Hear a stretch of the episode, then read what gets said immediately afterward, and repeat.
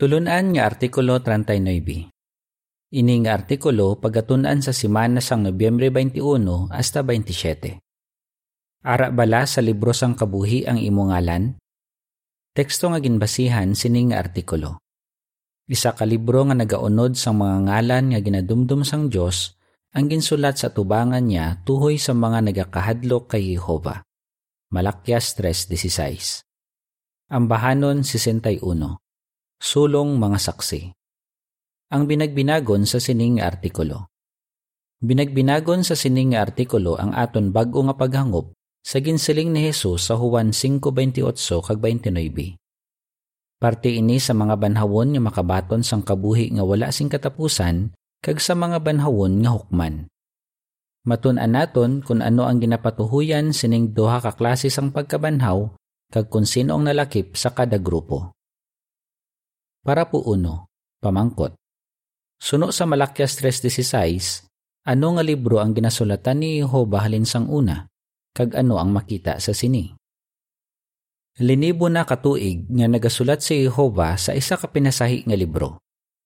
Libro ini sang mga ngalan, kag ang una nga nasulat sa sini, amo ang ngalan ni Abel, ang una nga matutom nga saksi.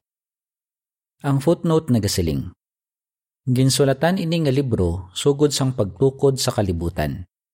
Ini nga kalibutan amo ang mga tawo nga pwede makabenepisyo sa halad gawad ni Jesus. Gani posible gid nga ang ngalan sang matarong nga si Abel amo ang una nga nasulat sa libro sang kabuhi. Balik sa parapo. Sugod sadto, padayon nga ginasulat ni Jehova sa sini nga libro ang iban pa nga mga ngalan. Subong, minilyon na kangalan ang makita sa sini. Sa Biblia, ginatawag ini nga isa ka libro nga nagaunod sang mga ngalan nga ginadumdum sang Dios, libro sang kabuhi, kag linukot sang kabuhi. Sa sini nga artikulo, gamito nato na ekspresyon nga libro sang kabuhi. Bugna 3.5 kag 17.8. Ang Malakyas 3.16 nagasiling. Gani naghambalanay ang mga nagakahadlo kay Jehova, kag si Jehova padayon nga nagapamati sing maayo sa ila. Kag isa ka libro nga nagaunod sa mga ngalan nga ginadumdum sang Dios, ang ginsulat sa atubangan niya tuhoy sa mga nagakahadlo kay Jehova kag tuhoy sa mga nagapamalandong sa iyang ngalan. Para po dos, pamangkot. Kay sino mga ngalan ang nasulat sa libro sang kabuhi? Kag ano ang himuon naton para masulat sa sini ang aton ngalan. Makita sa sining pinasay nga libro ang ngalan sang tanan nga nagaalagad kay Jehova, nagatahod gid sa iya, kag nagapabalor sa iyang ngalan. May paglaom sila nga mabuhi sing wala sing katapusan. Subong, masulat man sa sining nga libro ang aton ngalan kung may suod kita nga kangtanan kay Jehova nga nabase sa halad gawad sang iya anak nga si Heso Kristo.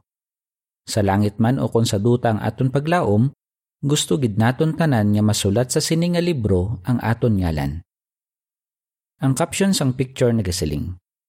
Padayon nga ginasulat ni Jehovah ang mga ngalan sa libro sang kabuhi sugod pa sang panahon ni Abel. Para po 3 kag 4, pamangkot sa A. Sigurado na bala nga mabuhi kita sing wala sing katapusan kung nasulat subong ang aton ngalan sa libro sang kabuhi? Ipaathag. Pamangkot sabi, ano ang binagbinago naton sa sining nga artikulo kag sa masunod nga artikulo? Buot silingon bala sining nga sigurado na nga mabuhi sing wala sing katapusan ang tanan nga nasulat sa sining nga libro? Mabalaan naton ang sabat sa sini sa ginsiling ni Jehova kay Moises nga mabasa sa Exodo 32:33. Nagsiling si Jehova, Ang bisan sino nga nakasala sa akon, panason ko siya sa akon libro. Gani pwede mapanas ang mga ngalan nga nasulat sa sining nga libro. Sang ginsulat ni Jehovah ang mga ngalan, do pareho lang nga nagamit siya sang lapis. Dapat siguraduhon naton nga hindi mapanas ang aton ngalan sa sining nga libro hasta nga isulat inising permanente nga daw gingamitan sang bolpen. Basi may ipamangkot kita. Halimbawa, ano ang ginasiling sang Biblia parte sa mga tawo nga nasulat ang ngalan sa libro sang kabuhi kag sa mga tawo nga wala nasulat ang ngalan sa sini. Saan o makabaton sang kabuhi nga wala sing katapusan ang mga tawo nga nasulat ang ngalan sa sininga libro? Ano ang matabo sa mga napatay nga wala mahatagan sang tsansa nga makilala si Jehova? Posible ba lang nga masulat pa ang ilang ngalan sa sininga libro? Sabton ini nga mga pamangkot sa sininga artikulo kag sa masunod nga artikulo. Kay sino mga ngalan ang ara sa libro sang kabuhi? Para po 5 kag 6, pamangkot sa A. Suno sa Filipos 4.3, sino ang nalakip sa mga ngalan nga nasulat sa libro sang kabuhi? Pamangkot sa B. San o permanente nga isulat ang ilang ngalan sa libro sang kabuhi? Kay sino mga ngalan ang nasulat sa libro sang kabuhi? Para masabat ini, binagbinago naton ang lima ka grupo sang mga tao ang ngalan sang pila sa ila nasulat sa libro sang kabuhi, pero ang ngalan sang iban wala sa sini. Ang una nga grupo amo ang mga ginpili nga magagahom kaupod ni Hesus sa langit. Nasulat na bala ang ilang ngalan sa libro sang kabuhi? Oo. Ginsilingan ni Apostol Pablo ang iyang mga masigkamanog pangabudlay sa Filipos nga ara na sa libro sang kabuhi ang ngalan sang mga hinaplas nga ginagda nga magahom kaupod ni Jesus. Ang Filipos 4.3 nagasiling. Oo, ginapangabay ko man ikaw, subong matuod nga masig ka manog pangabudlay. Nga padayon nga buligan ining mga babayi nga nagpangabudlay upod sa akon para sa maayong balita. Upod kay Clemente, kag sa iban pa nga mga masig ka manog pangabudlay ko, nga ang mga ngalan yara sa libro sang kabuhi. Pero para hindi mapanas ang ilang ngalan sa sininga libro, dapat padayon sila nga mangin matutom. Sa katapusan nga pagmarka sa ila, nga matabo antes sila mapatay o kung antes magsugod ang dakong kapipitan, permanente nga isulat ang ilang ngalan sa sininga libro. Para po 7, pamangkot. Base sa bugna 7.16 kag 17, san o permanente nga isulat sa libro sang kabuhi ang mga ngalan sang dako nga kadaman sang iban nga mga karnero. Ang ikaduha nga grupo amo ang dako nga kadaman sang iban nga mga karnero. Nasulat na bala ang ilang ngalan sa libro sang kabuhi? Oo. Ara bala gihapon sa libro sang kabuhi ang ilang ngalan sa tapos sang Armageddon? Oo. Nagsiling si Jesus nga magabaton sila sang kabuhi nga wala sing katapusan. Mateo 25:46 pero indi buot silingon nga makabaton gilayon sang kabuhi nga wala sing katapusan ang mga maluwas sa Armageddon. Kung sa aton pa, lapis pa lang ang gingamit sa pagsulat sa ilang ngalan sa libro sang kabuhi. Sa isa kalibo katuig nga paggahom ni Jesus, bantayan niya sila kag tuytuyan sila sa mga tuburan sang tubig sang kabuhi. Kung tumano nila ang Kristo, mangin matutom sila kay Jehova kag makapasar sila sa katapusan nga pagtilaw permanente nga isulat ang ilang ngalan sa libro sang kabuhi. Ang bugna 7:16 kag 17 nagasiling. Indi na sila pagutumon ukon uhawon pa, kag indi na sila mapaso sang masingkal nga init sang adlaw, ukon sang bisan ano pa nga makapalaso nga init. Bangod ang kordero, nga yara sa tunga malapit sa trono, magabantay sa ila, kag magatuytoy sa ila sa mga tuburan sang tubig sang kabuhi kag pahiran sang Dios ang tagsakaluha sa ila mga mata. Para po otso, pamangkot, kay sino mga ngalan ang indi pag-isulat sa libro sang kabuhi, kag ano ang matabo sa ila? Ang ikatlong nga grupo amo ang mga kanding nga laglagon sa Armageddon. Wala sa libro sang kabuhi ang ilang ngalan. Nagsiling si Jesus nga maagom nila ang kamatayon nga wala sing katapusan. Mateo 25:46. Gintoytoyan si Pablo sang Dios sang ginsiling niya nga magabaton sila sang silot nga wala sing katapusan nga kalaglagan. Ikaduhang Tesalonika 1:9. Hindi man mabuhi sing wala sing katapusan ang mga hungod nga nakasala sa balaan nga espiritu. Buot silingon, kabalo sila kung ano ang kabubuton ni Jehova pero ginpamatukan nila ini laglagon sila sing bugos. Hindi na sila pagbanhawon. Binagbinago naman naton ang duha ka grupo sa mga tawo nga banhawon diri sa duta. Ang mga banhawon. Para po noybi, pamangkot. Suno sa binuhatan 24.15, Ano ang duha ka grupo sa mga tawo nga banhawon sa duta? Kag ano ang kinalain sang duha ka grupo? Suno sa Biblia, may duha ka grupo sa mga tawo nga banhawon kag may paglaom nga mabuhi sing wala sing katapusan sa duta. Sila amo ang mga matarong kag ang mga indi matarong. Ang binuhatan 24:15 nagasiling. Kag may paglaom ako sa Dios nga amo man ang paglaom sini nga mga tawo nga may pagkabanhaw sang mga matarong kag mga indi matarong. Ang mga matarong amo ang mga tawo nga matutom nga nag-alagad kay Jehova sang buhi pa sila. Pero ang mga indi matarong amo ang mga tawo nga wala nag-alagad kay Jehova antes sila napatay. Ang matuod, malain ang ginhimo sang kalabanan sa ila. Bangod banhawon ining duha ka grupo, masiling bala naton nga nasulat ang ilangalan sa libro sang kabuhi? Para masabat ini, binagbinago naton ang kada grupo. Para po jis, pamangkot. Nga abanhawon ang mga matarong, kag ano nga responsibilidad ang ihatag sa pila sa ila. Ang ikapat nga grupo amo ang mga matarong. Antes sila napatay, nasulat na ang ilangalan sa libro sang kabuhi. Ginpanas bala sa sininga libro ang ilangalan sang napatay sila? Wala. Bangod buhi sila sa handumana ni Jehova. Si Jehova Diyos ang mga buhi, kag indi sang mga patay, kay para sa iya, buhi sila tanan.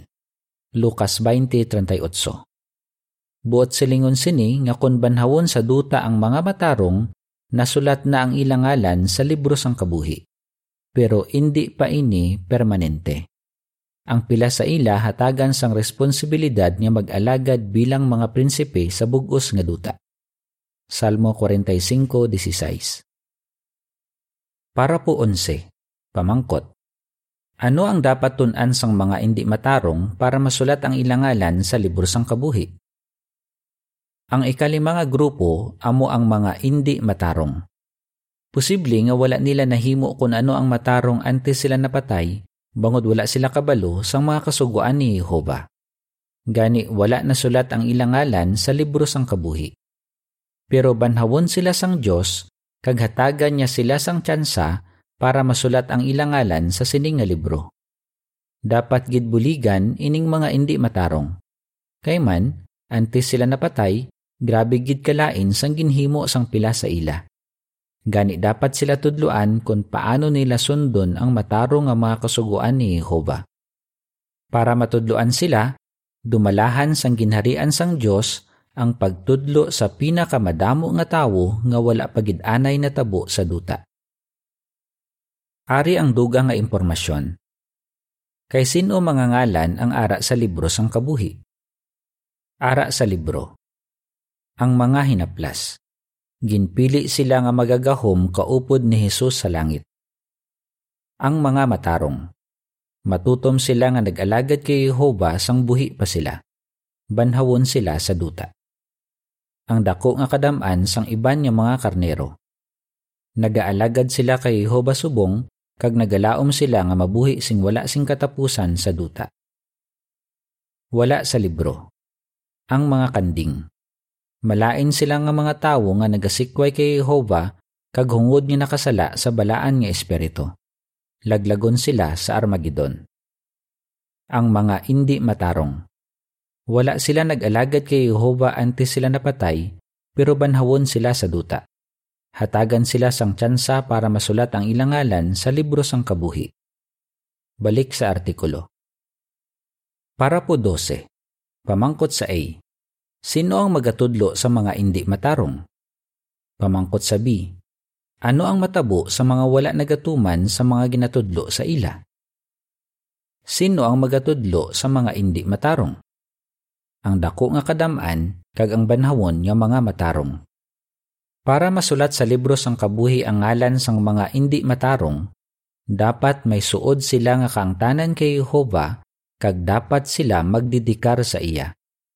Obserbahan sing maayon ni Heso Kristo, kag sang kaupod niya nga mga hukom sa langit, ang reaksyon sining mga indi matarong sa mga ginatudlo sa ila. Indi pagtugutan nga padayon nga mabuhi ang mga wala nagatuman, bisan isa kagatos katuig na ang ila edad. Mabasa ni Jehova kag ni Jesus ang tagipusoon. Gani siguraduhon nila nga wala sing makapabilin sa bagong kalibutan nga makahalit sa iban.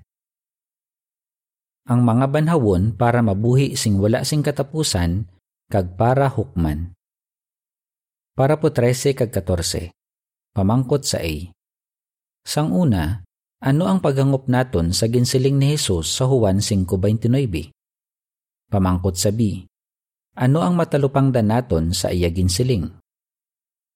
May ginsiling man si Jesus parte sa mga banhawon sa duta. Halimbawa, nagsiling siya. Magaabot ang tion nga ang tanan nga yara sa handumanan nga mga lulubngan makabati sang iatingog kag magagwa. Ang mga naghimo sang maayo makabaton sang kabuhi nga wala sing katapusan. Apang ang mga naghimo sang malaot, hukman. Juan 5:28 kag 29. Ano ang buot silingon ni Jesus? Sang una, abi naton ginapatuhuyan ni Jesus ang himuon sang mga banhawon pagkatapos sila mabanhaw.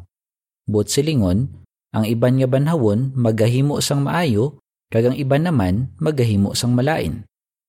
Pero matalupang naton nga wala si Jesus nagsiling nga ang magagwa sa handumanan nga mga lulubngan magahimo sang maayo ukon magahimo sang malain. Sa baylo, ginsambit niya ang mga naghimo sang maayo kag ang mga naghimo sang malaot. Gani ang ginapatuhoyan ni Jesus amo ang ginhimo nila antes sila napatay. May basihan gid ini. Kay man, hindi na pagtugutan nga maghimo sang malain ang bisan sino sa bagong kalibutan. Naghimo sang malain ang mga hindi matarong antes sila napatay.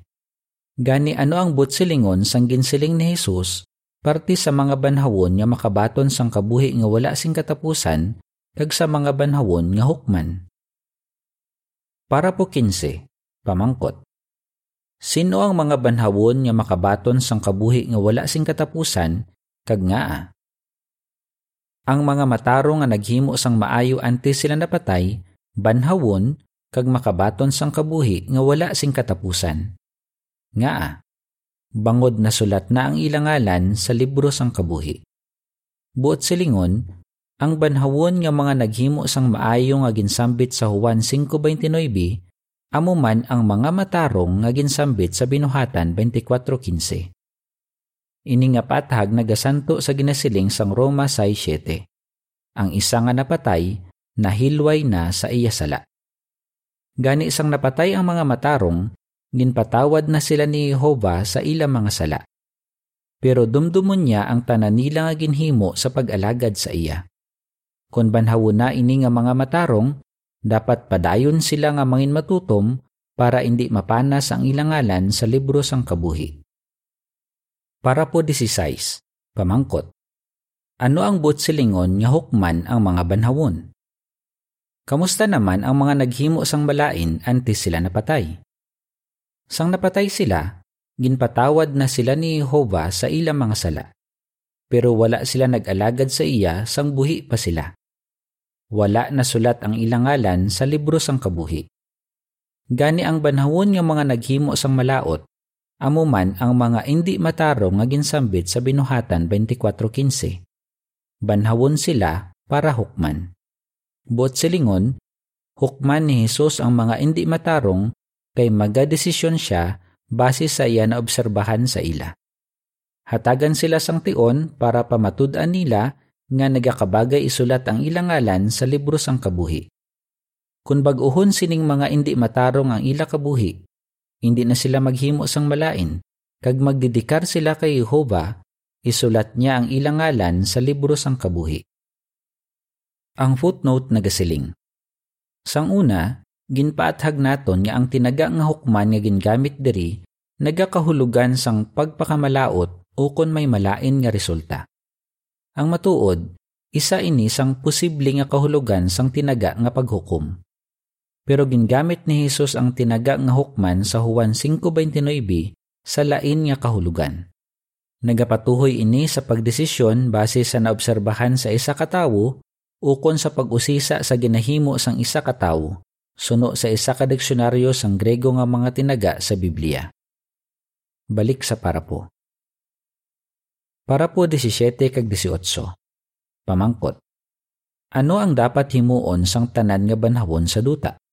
Kag ano nga mga buhat ang ginapatuhuyan sang bugna 2012 kag 13? Ang tanan nga banhawon, matarong man sila o kung hindi matarong sang una, dapat magtuman sa mga kasuguan sa bag-o nga mga linukot nga buksan sa tion sang isa kalibo katuig. Amo ini ang nakita ni Apostol Juan sa iya palananawon.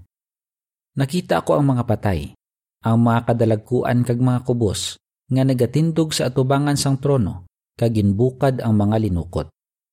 Apang may isa pa kalinukot nga ginbukad, amo ini ang linukot sang kabuhi. Ang mga patay ginhukman pasad sa mga butang nga nasulat sa mga linukot suno sa ila mga buhat. Bugna 20:12 kag 13. Base sa ano nga mga buhat hukman ang mga banhawon? Base bala ini sa mga ginhimo nila antes sila napatay? Hindi. Dumdumo naton nga sang napatay sila, ginpatawad na sila ni Jehovah sa ilang mga sala. Gani ini nga mga buhat, hindi ang mga ginhimo nila antes sila napatay. Sa baylo, amo ini ang ilahimuon sa tapos sila matudluan sa bagong kalibutan. Dapat man magtuon parte kay Heso Kristo ang matutom nga mga alagad sang Dios. Pareho nanday Noe, Samuel, David, kag Daniel. Kag dapat man sila magtuo sa iyahalad. Kung madamo sang dapat tunan ini nga mga matarong, mas madamo pagid sang dapat tunan ang mga indi matarong. Para po 19. Pamangkot. Ano ang matabo sa mga magasikway sa sining dalayawon nga tsansa nga ginhatag sa ila? Ano ang matabo sa mga magasikway sa sining dalayawon nga tsansa nga ginhatag sa ila? Ang bugna 2015 nagasiling. Ang bisan sino nga wala masapwan nga nasulat sa libro sang kabuhi, gintagbong man sa linaw nga kalayo. Laglagon sila sing bugos Gani dapat gid naton siguraduhon nga nasulat ang aton ngalan sa libro sang kabuhi kag indi ini mapanas. Para po 20. Pamangkot. Ano nga makalilipay nga helikoton ang himuon sa tion sang isa kalibo katuig nga paggahom? Makalilipay gid nga tion ang isa kalibo katuig nga paggahom. Himuon sa sini nga tion ang pagtudlo sa pinakamadamo nga tawo nga wala pagid-anay na tabo sa duta. Pero sa siningation, dapat pamatud-an sang mga matarong kag mga indi matarong nga handa sila sa pagtuman sa mga kasuguan ni Jehova. Paano himuon ang pagtudlo sa mga tao? Buligan kita sang masunod nga artikulo para mahangpan kag mapabaloran naton ini nga pagtudlo. Ang caption sang picture sa cover nagasiling. Ginatudloan sang isa ka brother ang iban. Isa siya sa mga nagatudlo sa pinakamadamo nga tawo sa tion sang isa kalibo katuig nga paggahom. Ano ang imo sabat? Kay sino mga ngalan ang nasulat sa libro sang kabuhi? Ano ang bot silingon nga makabaton sang kabuhi nga wala sing katapusan ang mga banhawon? Ano ang bot silingon nga hukman ang mga banhawon? Ambahanon 147 Kabuhi nga dayon saad sa aton. Diri natapos ang artikulo.